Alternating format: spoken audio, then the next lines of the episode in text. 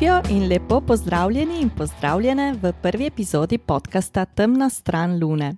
Z vami sva Maruša in Dunja in vas bova kratkočasili z zanimivostmi o vesolju in astronomiji. Podcast Temna stran Lune bo posvetili astronomskim radovednostim in prepletanju z ostalimi znanostmi, s kulturo in vsakdanjim življenjem. Najprej pa krajša predstavitev, kdo sva. Torej, jaz sem Dunja, sem po poklicu astrofizičarka in se ukvarjam z večjimi skupinami galaksij. In te skupine galaksij jih gravitacija drži skupaj in zato jim pravimo tudi jate galaksij. Uh, raziskujem pa njihove lastnosti s pomočjo računalniških simulacij, in uh, za ta namen uporabljam zmogljive računalniške gruče, ki mi uh, omogočajo, da lahko spremljam razvoj nekega večjega območja vesolja. In pri tem me zanimajo pač vprašanja, ki so povezana z nastankom in z razvojem teh velikih struktur, in uh, tudi s tem, kako jih lahko opazujemo potem v oddaljenem vesolju. Uh, zdaj si pa na vrsti ti, Maruša. Ja, jaz sem Maruša iz astronomskega observatorija Stromno v Kamberi. Uh, ogromno noči preživim na observatoriju, kjer opazujem in pridobivam spektroskopske podatke o mladih zvezdah uh, v okolici Sonca. In z njihovo pomočjo potem proučujem starost zvezd in njihovo gibanje v galaksiji. Te podatke potem uporabljam v simulacijah zvezdnih orbit in ti nam razkrivajo njihove družinske vezi mladih zvezd. No, in verjetno se bo marsikdo tudi vprašal, zakaj smo si kot ime podcasta izbrali ravno temna stran Lune. Temna stran Lune je namreč tisti del Lune, ki je neosvetljen. Eh, neosvetljeni del se spremenja z luninimi imenami, tako da je vsak delček temne strani Lune lahko pozujemo vse čas, ko je Luna nad obzorjem, razen seveda ob ščipu, torej ob polni Luni. Pa da ne bo pomote, oddaljena stran Lune je tista, ki je Zemlje ne vidimo, saj nam Luna kaže vedno istolice, medtem ko je temna stran Lune tisti del Lune, ki ni osvetljen. Ko gledamo Luno, se osredotočimo ponovadi na njen osvetljeni del, v resnici pa tudi temni del skriva marsikatero zanimivost. S tem imenom pa poudarjava željo, da bi radi s podcastom ne samo predstavili znane plati astronomije, s katerimi ste se mogoče že srečali ali o njih že brali, ampak tudi tiste manj znane plati, za katere mogoče še niste slišali. No, in seveda je v angleščini to tudi naslov slavnega albuma skupine Pink Floyd. Um, no, toliko za zdaj o Luni. Podcast ima tudi svojo spletno stran in sicer ga lahko poiščete na anchor.fm, pošiljka temna stran Lune, vse pisano z malo začetnico in brez presledkov. Um, in če vam bo podcast všeč, se na njega lahko naročite preko vašega priljubljenega podcast odjemalca. V tem prvem poskusu podcasta smo se odločili, da bomo vsebine objavljali enkrat mesečno in vam vsakič predstavili novo temo in se o tej temi razgovorili. No, in danes se bomo podali v globine našega osončja, saj smo se odločili, da prvo oddajo posvetiva komunikaciji z vesoljskimi sondami. In kmalo vam bo tudi jasno, zakaj. Uh, mogoče je tukaj dobro, da nekaj povejo o sami komunikaciji z oddaljenimi vesoljskimi sondami. Eh, kot verjetno že veste, pošiljamo sporočila po vesolju s pomočjo radijskih valov, sličnih tem, ki jih sprejemamo s pomočjo radijskih sprejemnikov. Take sprejemnike in oddajnike imajo tudi vse vesoljske sonde, ki raziskujejo vesolje in torej morajo svoje podatke pošiljati nazaj na Zemljo. Ne, seveda, to je potrebno, zato ker so sonde namenjene raziskovanju oddaljenega vesolja in se seveda ne vračajo na Zemljo. Tako da si želimo, da svoje torej informacije, ki jih pridobijo, potem pošljajo nazaj uh, na Zemljo. In ta način komunikacije je tudi edini, s katerim lahko Zemlje tudi pošljemo signale. In uh, jih uporabimo torej zato, da preusmerimo vesoljsko sondo ali pa preverimo, popravimo njeno delovanje. Torej so uporabljeni zato, da, um, pač, da, da preverimo lego vesoljskega plovila v prostoru za navigacijo, uh, in tako dalje. No. Današnjo temo komunikacije v vesolju smo izbrali zato, ker prihajam iz Kambere. In tukaj v Kamberi se namreč nahaja eden izmed treh centrov na Zemlji, s katerimi komunicirajo sateliti in plovila v Sončju. In ta postaja je del mrežja globokega vesolja. Uh, sliši zelo, se zelo um, zanimivo, se pravi, mreže globokega vesolja, po angliško Deep Space Network. To mreže je skupina radijskih teleskopov oziroma krožnikov, po domače povedano, ki so namenjeni komunikaciji tako z bližnjimi sateliti v orbiti okoli Zemlje, kot oddaljenimi plovili v Sončju. Postaje so v Kaliforniji, v Madridu in v Canberri in delujejo pod okriljem NASA. taka izbira lokacij na Zemlji ni naključna, ampak je načrtovana tako, da kot v zemljepisni dolžini med posameznimi postajami oklepa približno sto dvajset stopinj, in ker se Zemlja vrti, plovila, v vesolju, na primer na canberrskem nebu, vzhajajo in zahajajo, vendar lahko takrat, ko so tukaj pod obzorjem, komunicirajo z madridsko ali z ameriško postajo.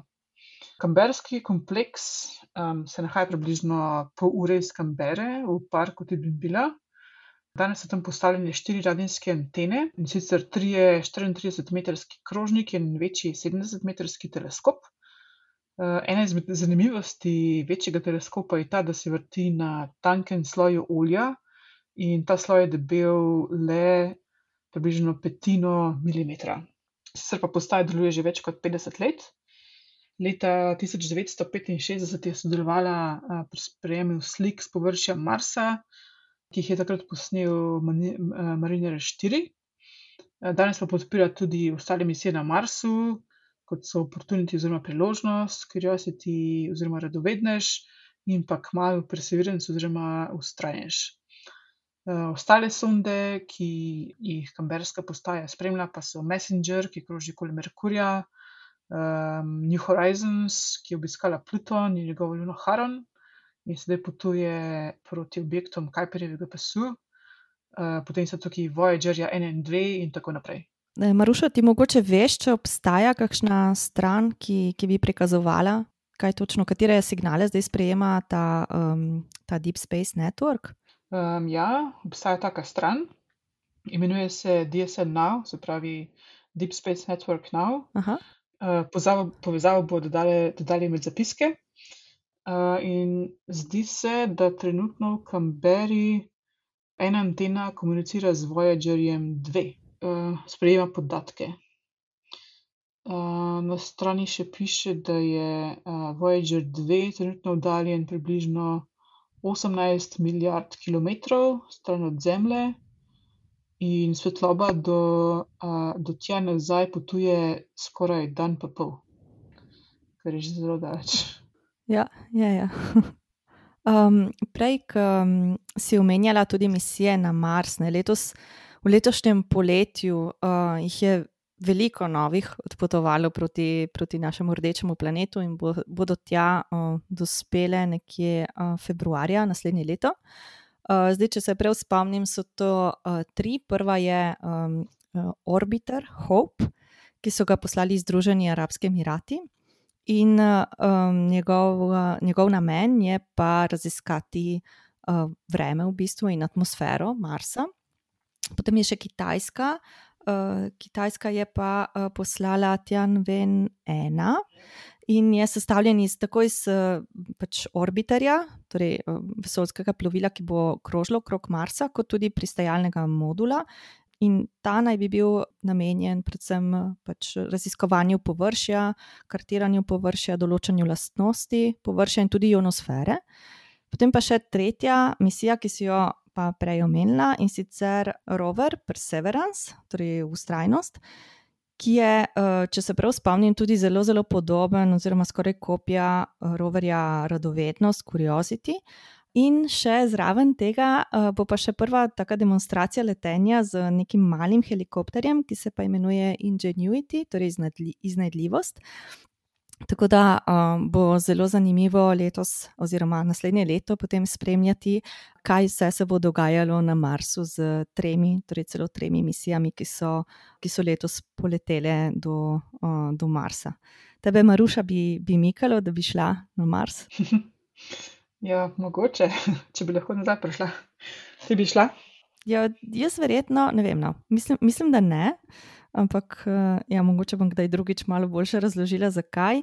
v resnici pa, pa že potujem na Mars, in sicer ravno s ta zadnjim roverjem, torej Vztrajnostjo, torej z Nasino misijo. In sicer nisem sama, z mano potuje enajst milijonov, imen ljudi. No. To so tisti, ki smo se upisali na spletno stran, uh, nazino spletno stran. Gre za eno tako zanimivo, bolj marketinško potezo Naze, ki, um, ki skuša na ta način izvesti pač promocijo svojih misij uh, na Mars. Torej, to sem svoje ime upisala že pred časom in sicer na spletno stran, ki se imenuje Send Your Name to Mars. To bomo tudi dodali med zapiske. No, in na tej strani ti pač potem ponudijo neko tako brezplačno, da imaš brezplačno karto, uh, kjer je pač napisano tvoje ime. Ne? In tik pred vzletom roverja sem potem opazila, da na, na karti piše tudi now boarding, kot da bi zares v tem trenutku me klicali, da naj grem na, uh, na, krov, uh, na krov misije. Tako da je bilo kar, kar zanimivo, no, ko, sem jo, ko sem jo še enkrat izbrskala. Zdi se najcenejša karta za tako zadevo. Ja, ja si, si sicer na potovanju, saj tvoje ime potuje, ampak se v bistvu ne premakneš z domačega kavča. No. Ja, prej eh, si omenila pa tudi oba Voyagerja, ne, ki sta, če se prav spomnim, tudi že uh, zapustila naše Sončje. Ne? Ja, oba sta um, trenutno že nekje na meju Sončja oziroma heliosfere. Heliosfere imenujemo območje, dokler sežejo vplivi Sončeve gravitacije in vetra. Um, in skaže se, da se tam že poveča intenziteta nabitih delcev, ki prihajajo um, iz medzvezdnega prostora. Uh, ampak, uh, ker na heliosfero vplivajo dinamične lastnosti sončevega vetra, se njene meje vse čas spreminjajo.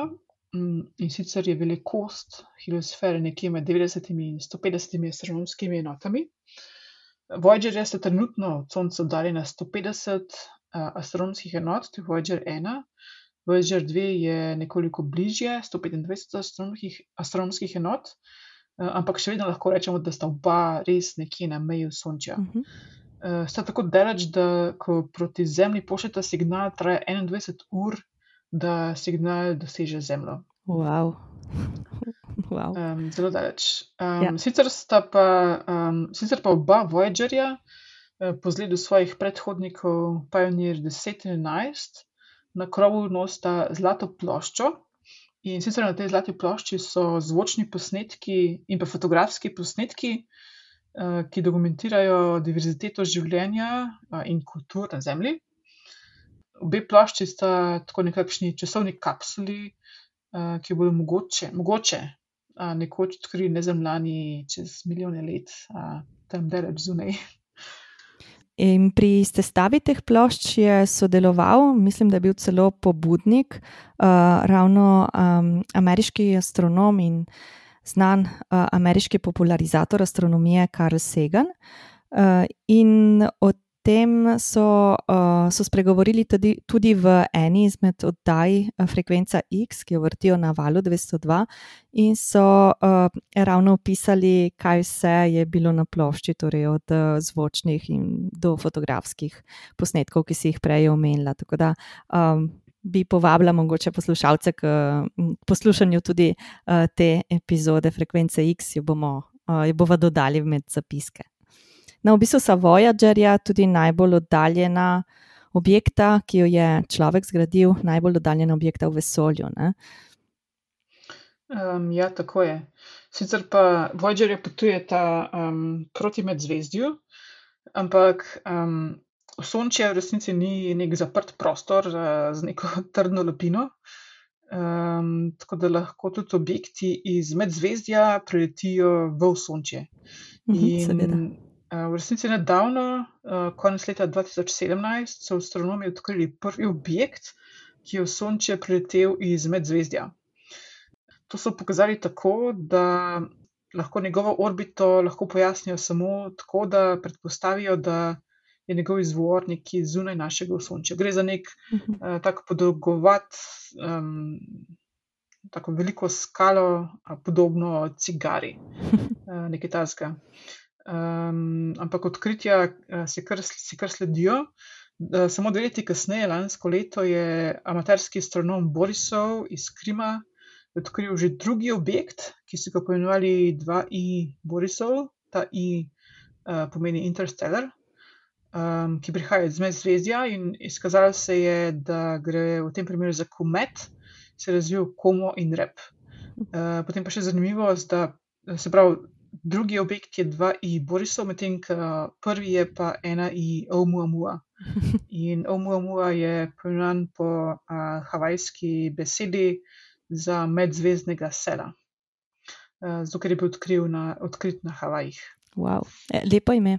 Um, če se vrnemo na omrežje globokega vesolja, ki si ga prej opisala, uh, me pa zdaj zanima, če, če še kaj počnejo poleg poleg tega, da sledijo vesolskim plovilom. In če si mogoče tudi, glede na to, da si v Kamberi, da, če si obiskala to postajo.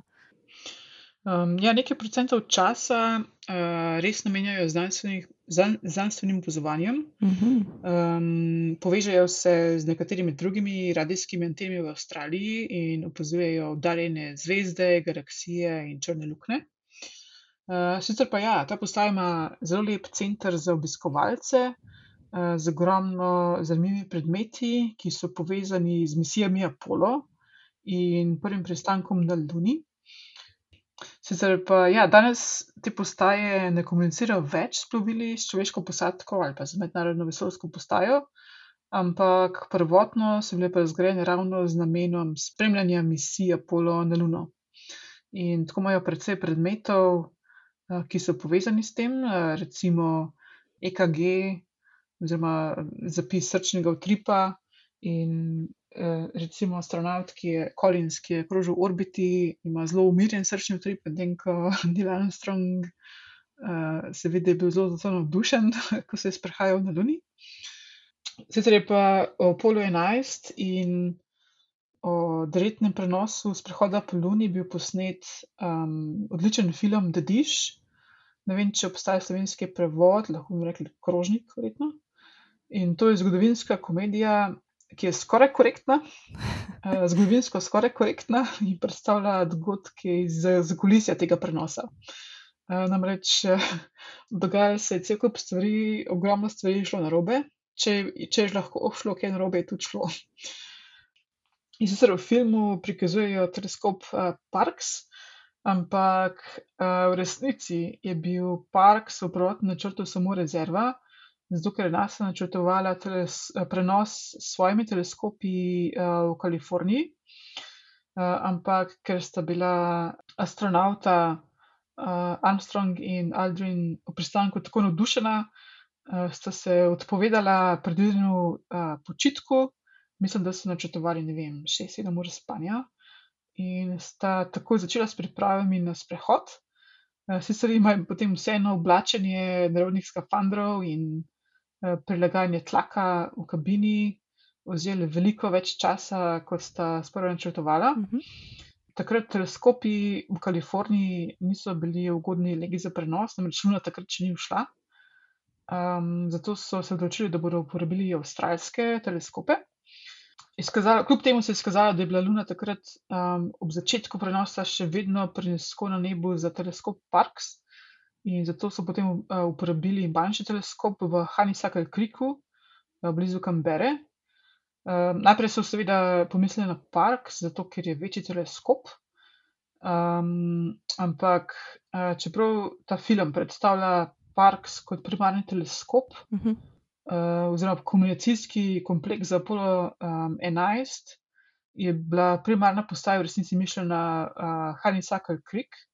To pa zato, ker uh, je park uh, samo spremnik, ne pa vdajnika. Tako da park je potem dejansko lahko samo spremljal prenos, ni pa mogel dejansko dosmerno komunicirati uh, z polom. Ampak seveda, um, šlo je precej, precej stvari šlo na robe. Več ni bilo pod načrtek, zato ker sta se astronauta odločila za um, sprehod prej, kot je bilo to načrtovano. Tako da so na dan sprehoda eh, se vsa, v Honeysuckle Creeku mrzlično pripravili na prenos. Ampak potem jih je nenapovedano obiskal premije um, za obhod observatorija in pač obisk. In potem eh, direktor observatorija jim ni povedal za ta obisk. On je zvedel, ne vem, mogoče kakšno uro prej, na isti dan, da bo prišel premije in ni povedal svojim uslužbencem, zato ker jih ni hotel razburjati. Oni so imeli že tako in tako preveč dela z, z različnimi pripravami. Uh, in potem so zanj med tem Uh, za, samo za fotografijo, da se je on lahko fotografiral, so celo mogli premakniti teleskop uh Mhm. -huh. izven pozicije, ki se je načrtovala za prenos, samo zato, da je pač lepo izgledal na slikah. Mhm.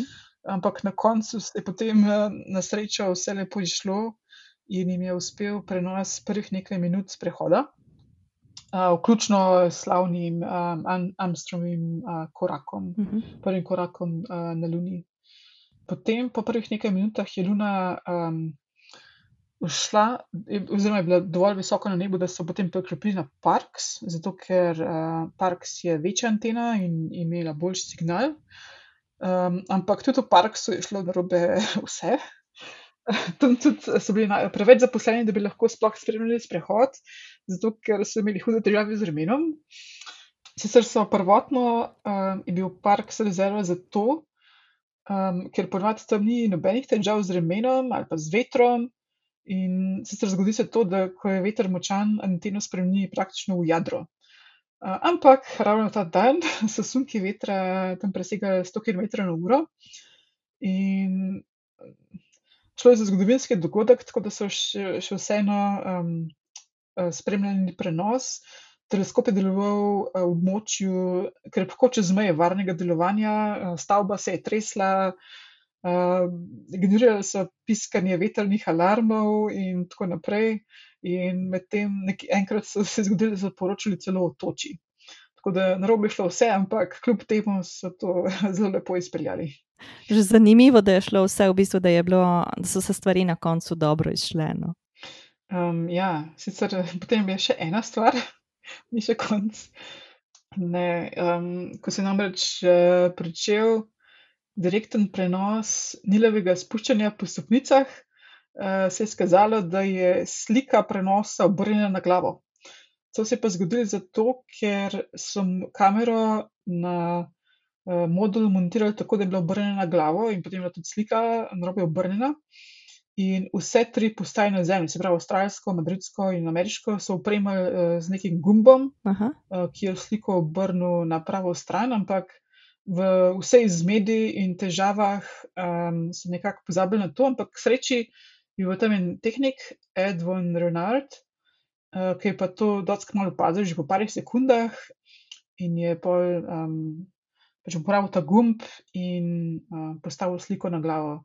Ampak še zmeraj so posnetki, um, ki se to vidi. Najprej je slika na robe obrnjena, potem se jo po nekaj sekundah uh, postavi na glavo. No in še danes um, hranijo ta gumb uh, v centru za obiskovalce. aha. Tako to je ena taka lepa zanimivost. Taka večja atrakcija, pol ta gumb. mene, mene pa ta, um, ta naključja, ko gre marsikaj narobe in je potrebno tudi zelo hitro in hladnokrvno ne, ukrepati. Uh, me, me malo spomnijo tudi na, um, na staro branje, k, že pred časom, no, ko sem prebirala. Se mi je v spominu ostal ta dogodek, ki je opisan v knjigi, ki jo je napisal astronaut slovenskega rodu, Jerry Lininger, in se imenuje V vesolju. Uh, in ta knjiga govori o njegovi izkušnji na krovu vesoljske postaje Mir, uh, ker je bila Mir uh, pač vesoljska postaja, ki je nastala oziroma ki je delovala pred uh, mednarodno vesoljsko postajo. No, in izbruhnil je požar, in, um, in takrat so pač mogli požar pogasiti. In požari na mednarodni, oziroma na vesoljski postaji, ki lebdi na Zemljo, so zelo, uh, zelo, zelo nevarni, ne moreš jih poklicati gasilcev. In pač on opisuje, kako so skušali ta poza- požar najprej zajeziti, in kako je potem on, ki je bil zdravnik, tudi ostalim uh, pomagal in preverjal, no, če, so, če je njihovo delovanje, torej da, da je telo uh, še v redu, ne, da lahko dihajo, torej da nimajo preobremenjena pljuča, in tako dalje. Tako da je bila zelo, uh, mislim, tako zelo napeta zgodba, no, ter v tej knjigi priporočam v, v branje, če bo komu slučajno prišla pod roke. In uh, prej si pa omenjala, da je uh, bilo teleskop poleg vseh ostalih stvari, ki so lahko šle na robe, ne, težko orientirati tudi zaradi vetra, zaradi, torej, zaradi vremena, ne, zaradi slabih eh, vremenskih razmer. Ne. In pri takih orjaških teleskopih, seveda, obstaja cela vrsta težav, ne, kar se tiče orientacije, in cela vrsta omejitev tega, kaj lahko z njimi, z njimi počneš. In me spomni to na en drug zelo velik teleskop, radijski teleskop, ki ga um, večkrat povezujemo s prejemanjem signalov iz vesolja in sicer teleskop Arecibo. Uh, Arecibo je eden izmed večjih in starejših radijskih teleskopov in deluje že od leta uh, 63, se nahaja v Puerto Riku in spada med največje na svetu, do pred kratkim je bil največji na svetu. Uh, ima pa premjer 300 metrov in je zgrajen v kotlini. Ga uh, sicer ne premikajo, uh, ampak ima ne, v neki taki, um, da imamo reči, kupolci nad sabo, ojačevalce, torej pač tehnologijo, s pomočjo katere lahko sprejema signale. In, in pred kratkim, uh, 10. augusta letos, je pa prišlo do večje poškodbe in se je odtrgal en del, del vrvi, ki je držala to zgornjo strukturo na teleskopu in je povzročil 30-metrsko luknjo v krožniku. Tako da zdaj trenutno je še, uh, mislim, da še. Razmišljajo o tem, kako, kako naj bi ga popravili. Uh, je med pomembnejšimi teleskopi, ker se ukvarja z odkritji, naprimer, eksoplaneta, okrog pulzarja, odkritja zelo hitrih pulzarjev in tako dalje. Uh, in je pa tudi teleskop, um, ki ga vidimo v filmu Kontakt, v katerem nastopa Jodie Foster in pri katerem je zgodba ravno o tem, da zaznajo nek signal, ki naj bi ga oddajali vesolci in se potem stvar razvije. Je pa scenarij na podlagi knjige, ki jo je napisal Karl Sagan, torej isti, ta isti astronom, ki smo ga prej omenjali pri Voyagerju. Um, obstaja pa še nek signal, torej Recibo tudi lahko daja signale. In sicer leta 1974, uh, ko so prenovili ta observatorij v Puerto Riku, so, uh, so se odločili, da bodo ob tej priložnosti poslali nek signal v vesolje. Sicer ni bilo večjega znanstvenega zadja pri tem dogodku, ampak je bil bolj demonstrativne narave. In so izbrali v ta namen kupico M13, ki je oddaljena torej 25 tisoč svetlobnih let.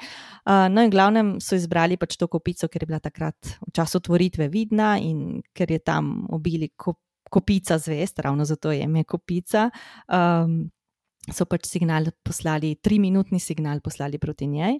In uh, tisti, ki si je pa to zamislil, je bil uh, Frank Drake skupaj z, zopet z, z uh, Seganom. Uh, in uh, Frank Drake je pa uh, astronom, ki je zapisal slavno enačbo, ki nosi tudi njegovo ime, torej Drakova enačba, uh, o kateri ste verjetno že slišali, ker gre za tako zelo enostavno. Da jim reče enačbo, kjer, s katero je poskušal oceniti število tehnološko naprednih civilizacij v naši galaksiji. In sporočilo pač podobno nekje kot zla, na zlati plošči, ne, vsebuje številke od 1 do 10, sporočilo sestavi DNK, -ja, neko človeško figuro, prikaz sončja in uh, teleskopa Recibo. V bistvu, no. um, zdaj, ko ponovno omenjaš Voyagerja, um, je še ena zanimivost o Voyagerjih uh, in sicer ta, da je Voyager 1, 14. februarja 1990. Eh, posnel slavno sliko Bleda modra pika oziroma Pel Bledot. Um, to je v resnici, to je pravzaprav selfie Zemlje, ki je bil posnet 6 milijard km stran. In pobudnik za to sliko je bil ponovno Karl Sagan, ki je pričal um, osebje oziroma ta tim, da je Voyager obrnil um, nazaj uh mhm. -huh. in posnel v resnici celoten portret uh, v Sončju, ne samo Zemljo, ampak um, še ostale planete. Uh, sicer je pa um, Sagan kasneje izdal knjigo uh, z istim naslovom Pel Blue Dot, kjer je zelo lepo napis, opisal relevantnost uh, te slike Pel Blue Dot. Zelo priporočam branje. Um, obstajajo pa tudi videi s tem besedilom, tako da se lahko ogledate tudi um, na spletu. No, če že govorimo o selfijih, tudi leta 2013, poleti, julija meseca, se spomnim, da, so, um, da je takrat NASA um, priredila eno tako skupinsko sliko, kjer uh, naj bi se sonda Cassini, ki je drugače krožila okrog uh, Saturna, se tako obrnila, da bi, um, da bi posnela ravno tako uh, sliko Zemlje. Pač skupaj z Saturnovimi obroči in je to res naredila, in so takrat povabili vse ljudi, da stopijo ven uh, in da se nasmehnejo in uh, nasmehnejo pač Kasinju, ki ki, ki uh, ustvarja sliko. Uh, in tisti dan so ga poimenovali dan, ko se je Zemlja nasmehnila in obstaja pač taka slika, torej, ki jo je posnel, posnela sonda Cassini, na kateri se vidi lepo uh, torej, uh, Saturn z obroči in pa še majhno pikico, ki je naša Zemlja. Tako da imamo že več selfijev Zemlje. Torej. Ja, očitno selfiji postajajo vse bolj popularni. Zdaj, ki si omenila ja. spet selfiji. Um, tukaj v Kamberi je nekaj tednov nazaj, mislim, dva, dva tedna, um, potekal nacionalni teden znanosti. In tukaj v Kamberi so organizirali prelet um, satelita, ki je posnel selfie Kambere. Tako da smo, um, rezerviranih je bilo nekaj datumov in na tiste datume smo šli ven iz hiše, na kateri smo tudi um, napisali, ne vem, taka večja sporočila, oziroma ne vem, kakšne simbole, ki se, upam, da se bodo videli a, na sliki. Tukaj na observatoriju Stromlo so iz ogromnih škatol kartona narisali a, spiralno galaksijo. A, in ravno danes sem govorila a, z nekom, ki dela na tem projektu in me da a, lahko pričakujem naslednji teden že a, selfie. Tako da, ko mi čakam. Lepo. No. Um, zdaj se pa že približujemo zaključku prve epizode najmenjega podcasta. Um, sicer se nismo, seveda, vtegnili dotakniti vsega, o čem smo se želeli pogovarjati. Uh, bi pa tukaj rada omenila, da bo uh, v zapiskih tudi povezava do spletnega obrazca, preko katerega nam lahko pošljete svoj komentar, razmisleke, ocene, uh, predloge za izboljšavo uh, in tako dalje. Predno zaključiva s podkastom, bi pa uh, ponudili oziroma dali še nekaj priporočil za osnovni pogled na nebo. In sva pomislili, da bi mogoče priporočili uh, nekaj aplikacij ali pa uh, ja, programov, uh, s katerimi uh, lahko, si lahko pomagate za pogled uh, nočnega neba. Maruša, ti kaj, kaj uporabljaš, katere programe ali aplikacije? Na računalniku največ Stellarium, To je brezplačna aplikacija in to je pravzaprav Stellarium, um, kjer ti prikazuje celotno nebo za izbran kraj in uh, čas na Zemlji. In to pogosto uporabljam tudi med opazovanji, zato ker je zelo priročen. Uh, narišeš si lahko tudi v zvezdja s črticami, uh, z grafiko. Um, mislim, da celo meteorski roji obstajajo in ima zelo velik, uh, dolg seznam zvezd ki jih prikazuje. Uh, Medtem ko na telefonu se mi pa zdi najbolj uporaben Google SkyMap. To je um, aplikacija, ki prikazuje nebo, kot se vidi v neki smeri. Torej, ko se s telefonom premikaš uh, po nebu, levo in desno, gor in dol, se ti tudi prikaz na zaslonu spremenja, glede na to, um, kamor gledaš. Sicer je treba telefon umeriti, uh, tako da ve, kam, kam gledaš in kje si um, ampak potem pa dela odlično in je zelo uporabna zadeva. Sploh za začetnike, zato ker je težko začeti um, z orientacijo, če ne veš um, osnovnih točk. Uh, ja, tudi jaz sama uporabljam torej Stellarium na računalniku, na telefonu pa imam nameščen Sky Safari, ki je čisto podobna temu, tej Googleovi aplikaciji, ki si jo ti omenila. Uh, in ravno tako lahko preveriš, pač, kateri del neba opazuješ.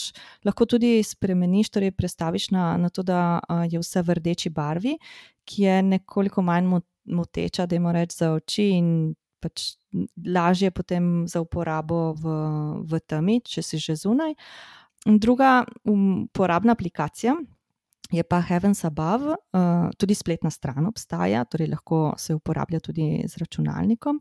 In uh, je uporabna zato, uh, če želimo vedeti, torej, kateri so vidni sateliti v pač izbrani noči, kje se bodo pojavili, koliko časa bo pač trajal prehod uh, po nebu. Naprimer, to je zdaj uporabno, recimo, če želite posneti mednarodno vesoljsko postajo, ali pa če uh, se vam zdi, da ste verjetno videli nek uh, tak uh, vlakec satelitov in to so zdaj trenutno uh, sateliti te mreže Starlink, ki jih pošiljajo um, v nizke orbite in že sedaj povzročajo veliko, veliko težav uh, astronomom, tako da mogoče o tem bova kaj več spregovorili v kakšni od naslednjih epizod. Uh, no, in zdaj za konec, čisto, čisto za konec, pa še nekaj aktualnih uh, astronomskih dogodkov na nebu v naslednjem mesecu. Mm, komet ni viden več. Ne? V prejšnjih mesecih um, smo imeli priložnost, da se ogledamo svetlejši komet Neowise. Mrzikdo v Sloveniji ga lahko opazuje in posnel, tukaj v Avstraliji um, nismo imeli take sreče, lahko smo ga opazovali samo proti koncu, uh, samo z ogledom. Uh, sedaj pa že nekaj časa ni več viden s prostimi očmi, uh, ga je pa posnel vesoljski teleskop Hubble ta dogodek žal je že mimo, upamo, da bo uh, še kak tak svetlejši komet priš, prispel v našo bližino. Uh, drugače pa je še nekaj dogodkov in sicer v soboto 26. septembra bodo Moravške noči astronomije na Limbarski gori v priredbi občine Moravče in v sodelovanju Slovensko astronomsko revijo Spika. Potem pa še 22. septembra uh, ob jesenskem enakonočju pripravljamo na astronomskem observatoriju v Nagolovcu v Ljubljani. Uh, pripravljamo tudi uh, dan odprtih vrat. Letos, septembra, pa poteka tudi prva obletnica projekta Slovenija pod skupnim nebom. Uh, glavni dogodek, um, to je bilo pač skupno opazovanje, um, na katerega so bile povabljene, torej šole, društva, da organizirajo skupno opazovanje za lokalne skupnosti, um, opazovanje neba. In letos bo pa glavni dogodek decembra meseca o priložnosti uh, konjunkcije Jupitra in Saturna, in uh, to je 21. decembra. Več uh, pa boste lahko um, prebirali tako na spletni strani uh, astronomske revije Spika, kot na spletni strani portala v vesolje. Naslednjih mesecih bodo jasne noči krasili planeti. Uh, najlepše bo zemljeviden Mars, ki se trenutno bliža opoziciji. To pomeni, da ga bomo opazovali lahko celo noč in bo zelo poviden, ker bo Zemlji najbližje. Uh, ravno tako pa uh, boste v primerni legi za opazovanje tudi Jupiter in Saturn. In če tega še niste, si lahko pogledate vsak večer na južnem delu neba, kjer se pojavite takoj, potem, ko se zmrači. Eh, če ne najdete, pa si lahko pomagate z aplikacijami, ki smo jih uh, svetovali, tako da jih boste lahko zlahka našli. No, in še nekaj lepših pogledov, uh, na, nočnih pogledov na nebo, ki jih lahko opazite tudi s prostim očesom v naslednjem mesecu dni. Uh, to so, naprimer, če ste bolj jutranji tip, boste lahko od nedelje 13. septembra do torka 15. Uh, obzori na vzhodu oziroma severovzhodu opazili Venero v bližini zvezdne kopice Jasli.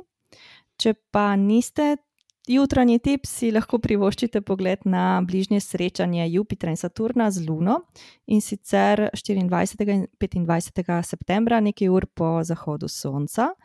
Potem pa uh, se oktobra že bližam, bližamo Marsovi poziciji in v petek 2. oktobra bo pa Mars čisto zraven Lune in to uh, po sončevem zahodu, pol drugo uro po sončevem zahodu na jugozahodnem delu neba.